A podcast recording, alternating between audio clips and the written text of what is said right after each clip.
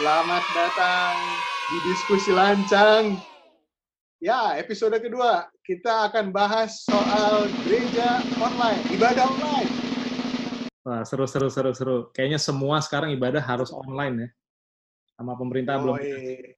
Karena kondisi ya, karena si COVID-COVID ini, Oke, jadi bincang-bincang kita hari ini ya kita berbagi pengalaman sambil kita menca- menggali lebih dalam kira-kira gimana sih eh, ibadah online gimana selanjutnya nih? gitu. Oke, Kalau dari gue dulu deh ya, oke. gue gue gue cerita ibadah online. Kalau versi gue kayaknya eh, sekarang ya karena kita dengan adanya jadi ada ibadah online ini kan karena eh, si virus Covid. corona ini covid. Nah, ya ada orang yang waktu awal-awal menyesat-nyesatin, wah enggak ini enggak beriman segala Oh, iya. macam. Sama tuh. Tapi ini ya, ya kalau mau adu celah-celahan, enggak lah, janganlah ya sekarang kondisi begini. sekarang semua ibadah online. Iya, akhirnya semua sekarang mau ibadah online. Sebetulnya sih bukan masalah beriman, nggak beriman. Ya kita satu ikutin peraturan pemerintah, kita ya jaga-jaga diri juga lah gitu loh. Dan wujud kan toh di, di Jawab ya, wujud tanggung jawab gereja kepada wujud tanggung jawab. Iya. Tapi oke, eh, mungkin kita mulai balik eh, lebih lanjut gitu. Jadi eh, menurut lo gereja online itu seperti apa sih, Bro? Eh, gereja online ini kan sebetulnya kalau kalau yang di tempat yang di tempat gue ya, jadi mereka tuh udah udah rekam dulu, lalu pada hari Minggu ditayangin. Sebetulnya kalau hal kayak begitu sih rasanya udah ber, be- udah beberapa tahun ke belakang ini kita udah sering lihat gitu hal-hal seperti itu. Eh, bukan hal baru. Ada beberapa bukan hal baru, tapi memang ada beberapa gereja yang dia benar-benar nih pas hari Minggu dia ambil di satu tempat bukan di gerejanya dia, dia take untuk siaran langsung live. Ya bisa disiarin via YouTube atau apa, gua nggak tahu deh. Tapi buat yang bisa take di hari itu, wah itu canggih sih. Kalau lu, menurut lu gimana? Pada ngikutin kan, pada ngikutin kan. Lo pada ikut dong. Yang sekarang-sekarang pasti kan ikut gereja online ibadah. ikut ya ya Pak pa, ma- malahan malahan kadang-kadang suka ikut gereja sebelah punya ya pokoknya yang pertama sih gue gua bisa lihat ibadah di gereja lokal gue kan, kan kan juga kita di rumah kan nggak tahu mau ngapain masa lu mau makan tidur terus? Bosen kan? Udahlah pas hari minggu ada waktu senggang ya udah kita jalan-jalan deh ke channel tetangga. Sama bro, gue juga eh, hari Minggu tuh bisa sampai tiga. Ya pasti yang pertama Oh, pembukaannya gue tiga, gue dua aja, gue dua. pembukaan di tempat sendiri dulu kan, karena kan memang itu. Tapi Ya, ya. namanya jari kan ini biasa milih-milih kan. Habis itu selesai kita coba lihat. Terus kan Nah, gitu. Nah, terus kalau kayak di YouTube itu kan ini suka ada kayak recommendation kan, yang serupa di Iya, iya, iya. pindah lah bro, pasti pasti akan nyambung nyambung Udah, pindah. udah kelar, udah kelar dulu kan, udah kelar dulu baru pindah. Oh, oh, betul. Gereja, tapi menurut lo kalau ibadah online gini, ibadah online ini, eh menurut lo gereja berfungsi dalam melayani jemaatnya nggak ya? Kalau menurut lo, dalam kondisi ibadah online ya seperti sekarang ini ya?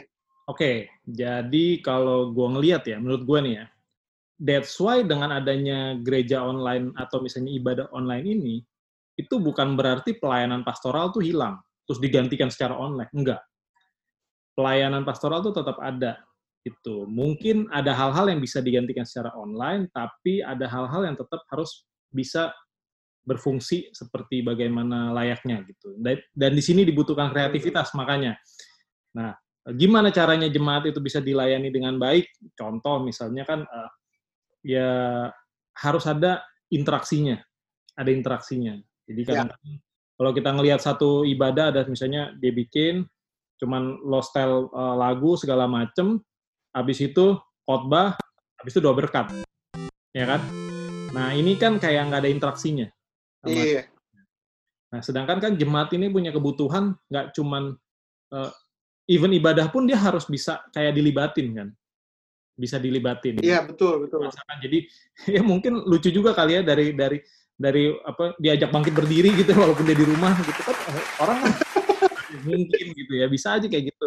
Atau doa taruh tangan kananmu di dada kita doa sama-sama bisa kan kayak gitu. Terus si iya, iya. pendeta-pendetanya bisa nunjuk ke jemaat di rumah gitu uh, uh, saudaraku yang di rumah mari kita berdoa gitu bisa kayak gitu kan. Terus jadi ada interaksinya. Atau suruh salaman kanan kiri. Ya. kalau di sebelah ada istrinya dipeluk gitu kan dicium nggak? Bisa dong. Iya. Jadi ada yang Tapi Kasian yang jomblo tapi bro. tapi bicara mengenai pelayanannya, merasa dilayani, kan pelayanan nggak cuma sebatas uh, ibadah atau misalnya uh, firman kan. Pelayanan ini macam-macam. Ya, mungkin jemaat yang butuh didoakan, ya kan. Nah, mungkin bisa di, di, di apa di ibadah online atau di gereja online bisa ditampilin. Oh nih, uh, jika uh, saudara butuh didoakan, silakan kirim email ke sini atau chat ke sini atau nomor ini gitu atau ada yang mau ngasih kesaksian seperti ini atau butuh pelayanan apa mungkin mau diberkati nikah gitu atau misalnya mau baptis ada kan? Nah. Repot repot banget bro. Lagi kondisi begini. Oh, tapi minta diberkati nikah. tapi sebenarnya ini jadi challenge kan gitu. Di kondisi seperti ini apakah pelayanan seperti itu masih bisa dilakukan apa enggak? Kalau kalau kalau baptisan kalau baptisan sih masih oke. Okay, ya tapi kan bro, kalau misalnya dia minta kawinan sih minta digetok juga, kagak sabaran banget. ya bro, orang udah ngatur bro. Namanya mau merit ya, ya kan. Banyak pelayanan-pelayanan itu lah. Terus mungkin kan pelayanan misalnya konseling, dia mau ke mana gitu. Karena kita harus lihat nih, dengan pelayanan atau ibadah online seperti ini, artinya adalah gini, yang datang tuh bukan berarti jemaatnya kita jemaatnya si gereja itu doang. Bisa aja. Oh iya, iya. Karena ini kan link kan, atau YouTube orang lagi ngeliat terus dia datang, visit gitu kan, view. Iya. Atau bisa aja emang yang orang pengen nyari-nyari kesalahan. Atau emang orang nggak pernah iya, iya. lihat gitu, ya kan? Nah, tapi kan artinya dari sekian banyak uh, visitor ini, visitor online ini, kita harus bisa tetap nangkep, tetap bisa melayani karena ada kuasa Tuhan di situ. itu penting, bro. Iya. gitu. Jadi melayani sih harus mungkin nanti ntar uh, ada yang diteleponin apa sih banyak lah menurut gue sih. Nah inilah uh, balik lagi ngomongin gereja online ini kan bicara mengenai konten. Konten. Iya. Yeah. gue percaya kualitas uh, bobot ya bobot dari suatu konten yang dibagikan dari gereja atau ibadah online apa pun tuh pasti bagus. Selagi itu karena itu firman Allah ya firman Tuhan dari Alkitab terus pujian penyembahannya memang diarahkan kepada Tuhan, itu udah pasti bagus. Tapi bicara mengenai konten, ini kan butuh teknik lagi, penyajiannya.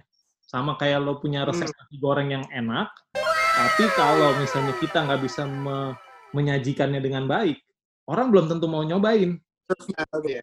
Padahal iya, iya. gitu. Itu penting. Sama lah kayak kalau kayak kita ke mall kan, kita lihat, oh displaynya bagus nih ya uh, yang dipakai patung-patungnya, terus mungkin ada tulisan sale, sale gitu kan, wah orang jadi pengen masuk gitu kan. Iya. Nah, jadi pas sudah masuk, itu ada another uh, challenge lagi, oh uh, jangan sampai kita punya konten atau punya uh, message bagus, ya, uh, kualitas dari uh, dari firmannya mungkin apa yang Tuhan kasih ini udah bagus, tapi kita nggak bisa menyajikannya dengan bagus, akhirnya orang nggak tertarik. Nah ini sayang. That's why butuh butuh kreativitas dan hikmat di momen-momen seperti ini. Gitu, Bro. Tapi ini tapi buat menurut gue ini ini ini salah satu yang challenging juga. Semua yang yang nggak orang yang nggak nggak biasa bikin gereja yang nggak biasa bikin online tiba-tiba harus bikin ibadah online dan harus udah pasti harus menarik dong lo nggak bisa cuma bikin asal jadi doang nih asal ada gitu ya, karena orang pasti akan cari akan cari yang lebih menarik mau sama-sama gratis, waktunya sama. Nah itu nah, itu menurut gue tuh yang yang cukup challenging tuh. Jadi tantangan, apalagi zaman sekarang itu kan era apa ya video on demand. Makanya kan yeah. Netflix, kayak uh, Disney Plus kayak gitu-gitu semua tuh kan lagi berkembang kan. Gue terus terang udah jarang nonton TV bro, karena gue akan nonton sesuatu yang pengen gue tonton doang. Film yang gue mau tonton, termasuk kayak YouTube kan, atau kayak gini-gini. Jadi yeah, yeah. ini habit atau apa kebiasaan orang-orang pada zaman sekarang tuh apalagi yang generasi milenial gitu udah kayak gitu. Jangan sampai kita tuh kalah kalah cerdik lah ya. Maksudnya kalah uh, Betul. Gimana kita bisa memaksimalkan kondisi yang ada. Nah, tadi bicara tadi yang lo bilang itu kan balik lagi marketnya apa. Jangan sampai cuma karena egoisnya ah menurut gue ini nggak bagus kan nggak bagus tuh relatif ya tapi kayak kita kerja juga ya, betul. bos bilang enggak bagi gue ini warna hijau. Enggak pak. Ini warna biru. Enggak hijau menurut gue susah bro. Iya udah. Susah bro. Udah begitu tuh. Susah ya. gitu. Karena yang paling penting adalah gini balik lagi ke apa misinya gereja itu ya bro. Misinya gereja itu kan apa ya eh, menggenapi maksud-maksud Allah di dunia. Jadi berkat jadi terang kan hmm. gitu kan. Makanya kalau misi, misi dari pelayanan gereja tuh ada yang ke atas sifatnya hubungan kita dengan Tuhan membangun makanya ada ibadah PW apa pressure worship doa gitu kan. Ada yang sifatnya ke dalam memperlengkapi anggota pengajaran peneguhan persekutuan. Ada yang sifatnya keluar itu artinya ke dunia. Jadi gereja tuh punya oh, fungsi oh, bersaksi memberitakan kabar baik, jadi teladan. Nah, ini kan uh, untuk bisa melengkapi apa semua fungsi atau dari misi gereja ini, ini kan butuh butuh kreativitas, butuh hikmat, dan butuh banyak uh, apa banyak penasehat juga gitu. Kadang-kadang ya gue juga gini ketika gue dengar uh, apa misalnya dari generasi anak gue yang masih masih SD gitu ya, ternyata mereka punya punya sudut pandang yang bisa bikin anak-anak sumuran dia nangkep. Nah, gue nggak bisa terlalu kaku juga. That's why gue nyobain TikTok. Iya. TikTok itu salah satu salah satu wadah yang bisa dipakai gitu kan. Tapi kalau misalnya gue yeah. di pemimpin yang kolot gitu kan, enggak, nggak boleh kayak gini-gini dosa atau kayak gini-gini, ya susah. Tuh uh, ya biar butuh didoakan. gitu. Teknologi itu ada ya nanti ujung-ujungnya kita harus bisa make teknologi itu untuk kemuliaan Tuhan, jangan malah kita batasin. Terusnya. Cuman ya kadang-kadang ada ada ada aja gitu. Kayak tadi di awal-awal gue bilang yang pas begitu beberapa gereja sudah mulai menerapkan ibadah online sebelum pemerintah menetapkan masa PSBB ini kan, hmm, yes. wah ada tuh udah saling, wah itu gereja itu nggak apa ya tuh nggak beriman Tuhannya di mana bla bla bla bla. Gitu. Akhirnya gitu, gitu mungkin setelah ini kita sendiri dulu lah. akhirnya sekarang semua ibadah online kan gitu gereja itu kalau kalau gue simpulin ya gereja tuh kan ya itu church was always people bicara mengenai orang ya nggak nggak selalu bu, never buildings lah gitu kalau kita baca di Alkitab yeah. jadi uh, ngomong, yeah. ngomongin biblikalnya dulu lah gitu gereja tuh apa sih gereja ini kan lembaga yang dibentuk sama Tuhan sama kayak keluarga Kristus yang membangun dan Kristus pemilik gereja dan gereja ini punya fungsi untuk melakukan kehendak Allah di bumi ini. Gitu. Betul. Untuk menggenapi tujuan Allah gereja gitu, termasuk kita. Dan gereja ini bisa bi berbicara mengenai kita as a personal, pribadi, bicara mengenai kita sekumpulan orang percaya, bicara mengenai gereja yang sifatnya universal, umat Allah. Nah, ini pemahaman ini penting. Jadi artinya kita nggak bisa terlalu apa ya? Kita harus untuk bisa mengerti uh, gereja ini mau ke mana atau pelayanan atau ibadah ini seperti apa, kita harus punya tuntunan tuh benar-benar ngerti tuntunan tuntunan Tuhan, bro. That's why ya gembala-gembala para pemimpin ya biasa mereka lebih peka kan akan tuntunan Tuhan harus gimana. Yeah, yeah. Uh, terus gereja itu kan bisa dibilang ada di dalam sejarah. Ini gereja canggih bro dari zaman dulu, zaman setelah uh, kisah para rasul dengan segala penganiayaan, dengan segala apa pun gereja nggak bisa hilang. Karena Tuhan udah bilang kan di apa Matius 16 bahkan Yesus bilang ke Petrus di atas batu karang ini aku akan membangun bahkan kerajaan maut pun tidak akan bisa menguasai. Oh mantep bro, nggak bisa diapa-apain. Mau dianiaya, mau dibakar, mau digulung-gulung, sehebat itu gitu eh, gereja. Secara tubuh Kristus kuat dan that's why salah satu tantangan gini, gereja itu akan ada sepanjang sejarah. Sejarah kehidupan manusia itu pasti ada gereja. Sampai Tuhan Yesus datang kedua. Problemnya adalah gini, selama sejarah ini, gereja tuh punya pilihan. Mau jadi bagian kelam dalam sejarah, atau mau jadi bagian terang dalam sejarah. gitu, bro. Pertanyaan gue nih, ini panjang gereja ah. persembahan gimana? Persembahan pada ngasih nggak? oh, kalau kalau kalau di tempat gue, di gereja gue tuh, gereja gue bikin bikin kayak pengumuman gitu lah. Jadi uh, pengumuman via Instagram, terus udah gitu juga di broadcast ke dari jadi dari mungkin dari gembala gue terus di, disebarin ke ke bawah ke bawah ke ngomong-ngomong ke persembahannya berarti kan Ah. di masa-masa seperti ini jemaat nih ya harus punya kedewasaan lebih karena Hmm. saking orang tinggal ngeklik ngeklik ngeklik for free sebenarnya kan ya orang kan bisa aja nggak nggak nggak merasa punya beban untuk memberi ya kan untuk Hmm. memberikan persembahan membawa persembahan sedangkan namanya ibadah tuh lo harus ada sesuatu yang dipersembahkan kan Iya. iya ya kan Ah. fokus kita iya tapi kan ada juga yang kita berikan dan juga bicara mengenai ibadah online atau gereja online seperti ini ini kan butuh cost tadi kan lo sempat nyinggung kan butuh cost Hmm. ya lo kalau mau ini tetap berlangsung atau mau ini lebih baik ya ngasih lah gitu kan kan Iya.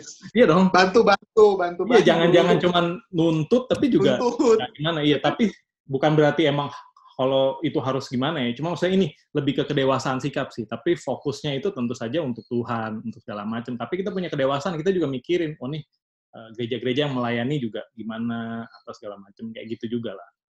Oh Gitu. iya iya memang memang harus sebetulnya sih kalau kalau orang yang kebanyakan nuntut dia harusnya punya dia punya kesadaran lah dalam memberikan persembahan. Ya baik, itu itu butuh kedewasaan. That's why jangan langsung mikirinnya negatif terus gitu. Betul betul. Ah, ya. Nah, sebetulnya se- sebetulnya belok belok belok sedikit dari masa gereja online. Gue lebih senang kalau misalnya yang bicara orang berbicara mengenai persembahan itu eh, bukan karena kalau kamu mau diberkatin kamu kasih persembahan.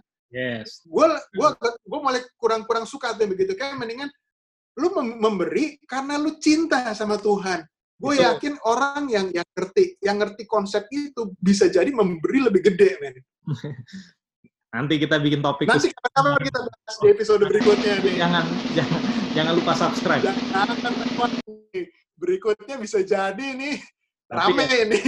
That's why dengan dengan adanya eh, apa ibadah online, gereja online seperti ini, ini proses buat kita semua. Ya kan? ya ya ya Proses artinya gini, pasti ada plus minus. Contoh ya, eh, plusnya kan ya pasti kita jadi bisa fleksibel kan. Wah, gue awal-awal tuh ya, belum mandi atau segala macam gue langsung nyalain TV, ikut ibadah online gitu. Selonjoran kaki sambil makan, iya kan? Itu itu pra- iya terus kan jadi kayak nggak ada jarak kan nggak ada ongkos yang harus kita keluarin waktu yang kita waktu lebih fleksibel tapi di satu sisi challenge-nya min- minusnya adalah jadi susah fokus kan wah dikit-dikit karena iya keganggu sana sini. Ya that's why mungkin kadang-kadang ada beberapa eh, gereja yang dia udah ngasih panduan ke jemaatnya. Oh kalau untuk mengikuti ibadah disarankan udah mandi udah pakai baju rapi seperti layaknya mau ke gereja duduk manis matikan semua handphone supaya Iya. diarahin. Diarahin. Ya karena kan kita harus harus belajar apa menghormati Tuhan eh, di mana pun gitu kan ya. Jadi beribadah Iya. ibadah itu kan kita harus melatih diri kita beribadah sebenarnya. Kayak gitu. Jadi dimulai dari diri sendiri juga ya kan? Eh, ya plusnya juga mungkin eh, oh gereja bisa jam berapa aja? Ada gereja-gereja yang online ya lo mau buka sampai sekarang juga kita mau buka bisa aja gitu. Itu jadinya lebih fleksibel waktu. Tapi terus terang kalau gue sih lebih setuju kalau misalnya dibikin kayak kan ada tuh yang dia modelnya live stream jam berapa dia baru nyala, ya kan? oh iya iya Ibadahnya. Dan itu udah kalau udah selesai ya lo nunggu sesi selanjutnya. Nah, gue gue sih lebih lebih lebih setuju yang itu.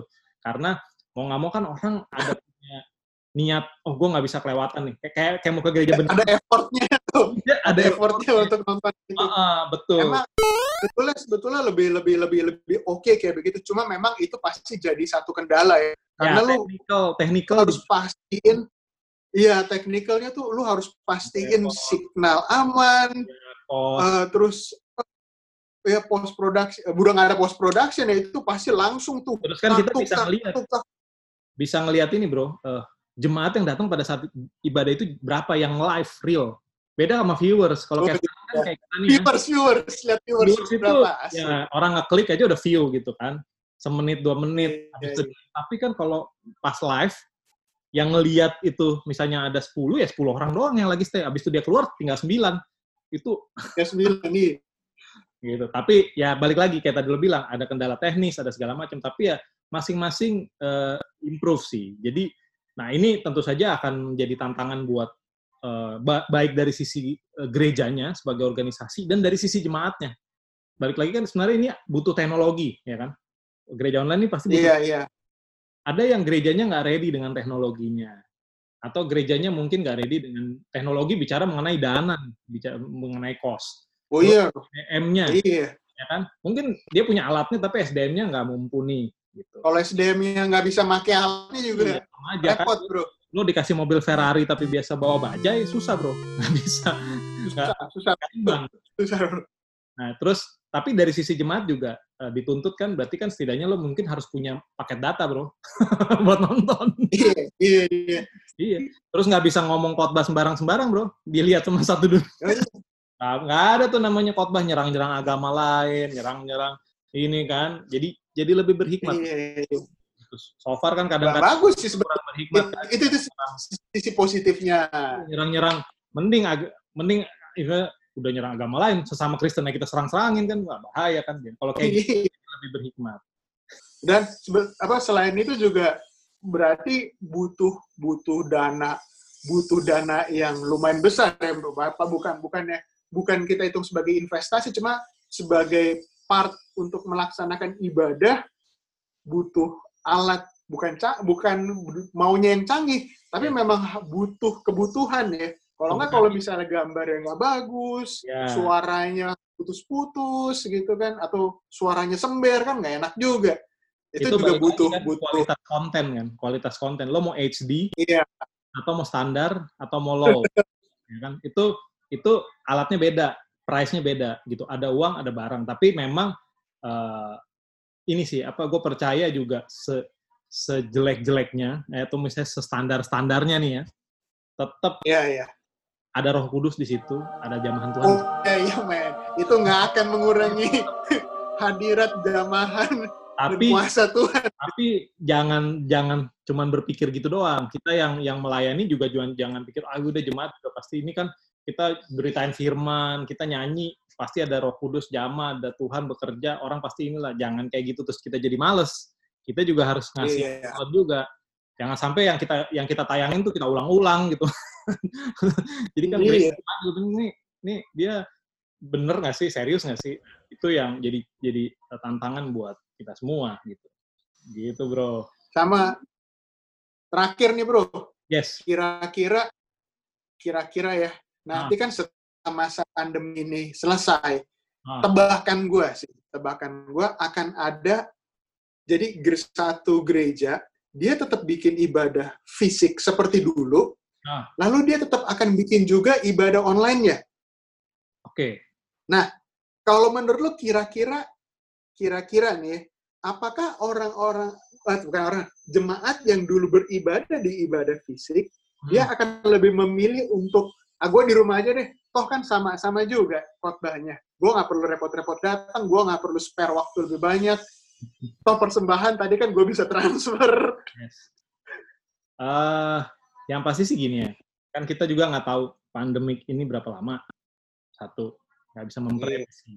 Terus kita juga nggak bisa tahu kira-kira after pandemic ini apakah masih social distancing atau gimana atau bla bla bla gitu kan nggak masih nggak boleh rame-rame kah gitu. Tapi yang iya. udah pasti gue lihat adalah gini, uh, sebenarnya bicara mengenai kayak ibadah online gereja online ini itu bukan hal yang baru, ya kan? Satu dekade yeah, dari mungkin beberapa tahun terakhir udah ada gitu. Cuman kan mindset kita tentang ini tuh sering kali agak ada tabunya gitu. Ah, enggak lah, nggak bisa digantikan ibadah gini gini gini gini apa segala macam. Iya, yeah, iya. Yeah. Dengan kondisi seperti ini akhirnya kan mau nggak mau, weh Tuhan bisa bekerja juga dari rumah. Dan bahkan dengan ibadah online ini, firman Tuhan tuh malah kesebar ke mana-mana lebih cepat. Nggak ada batasan. Kalau dulu lo harus datang ke gereja, yeah. sekarang bayangin aja, satu gereja bikin ibadah online, bro. Kalau misalnya ada ribuan gereja, itu di YouTube penuh bro hari Minggu. Iya, iya. Setiap minggu traffic naik tuh hari Minggu dong. Berarti kan dari sisi penyebaran uh, apa kabar baik itu jadi makin banyak uh, sebar. Terus uh, after pandemic ini kan bicara mengenai habit ya, konteks konteks zaman. Yeah. Konteks zaman itu kan berubah, ya kan konteks zaman berubah. Jadi mungkin bisa aja kalau memang ternyata emang orang nggak boleh keluar keluar, ya itu tetap berlanjut. Atau kalaupun akhirnya orang udah bisa keluar, ya kan, uh, gue percaya sih ini mungkin masih akan akan terus ada bahkan malah jadi dikembangin. Otomatis setiap gereja mungkin akan punya uh, konten online-nya gitu. Supaya tetap bisa hmm. dijangkau karena kan kalau ngomongin ya, dari ya ngomongin digital ya penduduk di dunia ini ada dua jenis penduduk bro. Penduduk secara fisik sama penduduk secara digital iya iya iya netizen. Kita bilangnya netizen. Netizen. Nah penduduk digital ini juga butuh dengar kebenaran firman Tuhan. Butuh beribadah juga. Jadi ini menarik sih. Ini menarik menurut gue bakal ada. Bahkan sebenarnya beberapa tahun yang lalu gue udah pernah lihat ada ada ada tesis yang bikin mengenai uh, ibadah online tuh yang pakai VR, pakai segala macam gitu. Ya canggih. Uh, selagi itu memang uh, membawa kemuliaan Tuhan, ya why not gitu. Kan teknologi kita nggak bisa ngelihatnya dari sudut pandang negatifnya, tapi kita harus gunakan itu untuk hal yang baik gitu, untuk memperluas kerajaan Allah juga gitu. Jadi uh, zaman makin berkembang, menurut gue pasti akan terus ada. Ya kayak gue kasih contoh aja kan di, di kemarin di ada di satu negara dia udah bikin ibadah paskah ya uh, tapi semuanya jemaatnya naik dari dari mobil. Jadi drive in church jadi semua mobil pada parkir. Balik balik. kayak ke zaman tahun 60-an tuh oh iya, kayak iya kayak nonton bioskop di mobil gitu kan. Nonton bioskop. Itu itu terjadi. Itu udah mulai terjadi ya kan? Kan itu uh, bisa. Terus gue pernah lihat satu video kan perjamuan kudus di pesawat di udara gitu. Ibadah. Uh, uh, iya, iya. jadi kita nggak boleh kaku ya. Selagi itu tidak mengkompromikan kebenaran ya kita bagi gue sah sah aja. Jadi bahkan kita harus harus bisa menghadirkan kerajaan Allah di segala macam media di segala macam bidang segala macam bentuk segala macam apa pun itu harus bisa ada gitu. Jangan sampai wah di teknologi di apa di sosial media jangan deh itu orang pada berantem mulu uh, gereja apa orang Kristen di sosial media kita jangan pelayanan di situ deh. Loh malah di sosial media itu harus banyak diberitain kebenaran juga gitu buat di dinetralisir. Jadi kesimpulannya gereja online yang sudah pasti nggak membatasi kuasa Tuhan bekerja dan ya sesuai zaman lah ya perkembangan zaman udah 2020 yes, 2000 mungkin waktu kali waktu tahun 90-an, 80-an dulu kita mikirnya, wah tahun 2000 nanti kita akan belajar teknologi apa. Ternyata di tahun 2020 kita diajarin belajar cuci tangan yang bener, pakai sabun. Ya, kan tetap eklesia, tetap eklesia. Dibilang hilang persekutuan, kayak kita gini juga ngobrol, masih bisa bersekutu kan? Iya, iya betul. Nggak bisa dibatasi.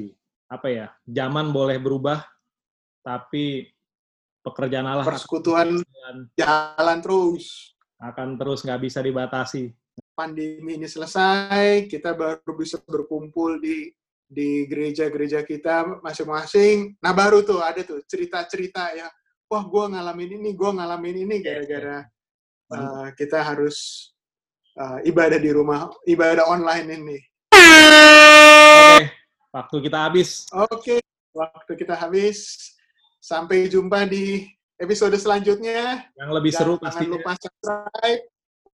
Jangan lupa di like. Selain YouTube kita ada podcast. Ya. Bisa dengerin podcast kita. Podcast lebih panjang, lebih lengkap. Gitu. Oke, kalau begitu sampai jumpa episode selanjutnya. Bye, Bye.